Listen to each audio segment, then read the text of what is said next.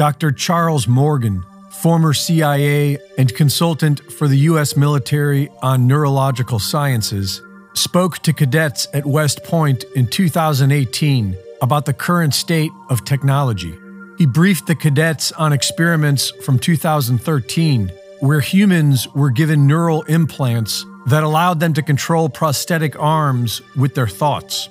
Experiments where one person can control another person's hands by just wearing an EEG cap. The person on the receiving end described the sensation as rather odd.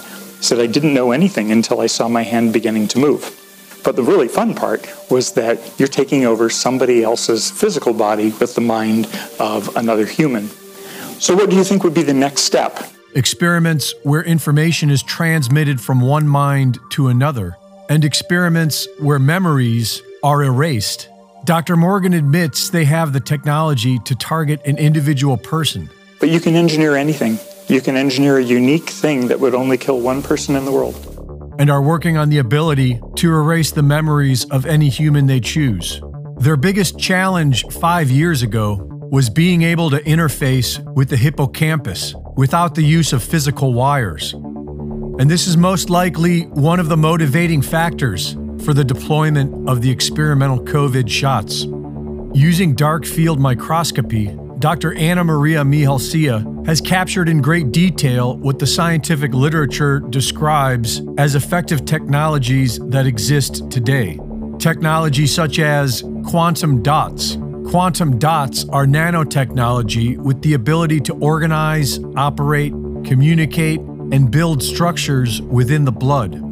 They do so with a tunable photoluminescence that can be programmed to dictate various tasks via optical communication. The description and images displayed in the scientific literature compared to what Mihalcea's dark field microscopy has captured are the same. You can see the quantum dots blinking in different colors, acting as the artificial intelligence directing the self assembly around them.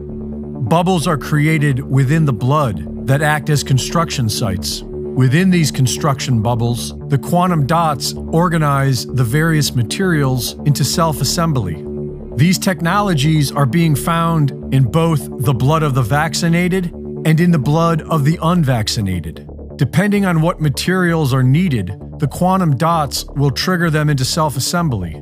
The COVID vaccines are full of rare and heavy metals to make all manner of nanotechnology. But it seems as if almost everyone is infected with some sort of nanotech. According to several research teams, everyone's blood seems to contain the materials required to produce the filaments and the lattice work for this technology. Blood samples that appear to be healthy have been completely transformed by applying a mere 10 milliamps of electric current for two hours. And it looks as if we may have been infected by the chemtrails. Morgellons disease was first reported in 2002. It's when synthetic fibers or filaments are growing in a person's body. It has been theorized for decades that this was being spread via chemtrails and under a microscope, it appears to be the same filaments that people today are calling blood clots, and what the scientific journals call self assembled hydrogels. According to Dane Wigington from geoengineeringwatch.org, nanoparticles are being sprayed worldwide. The good news is that Dr. Mihalcea's research has found a remedy. The iron in the infected blood has been oxidized to a 3 plus state and by taking antioxidants, one is able to dissolve these filament clots. She has found that EDTA chelation therapy will remedy infected blood within three days, and megadosing vitamin C also seems to work.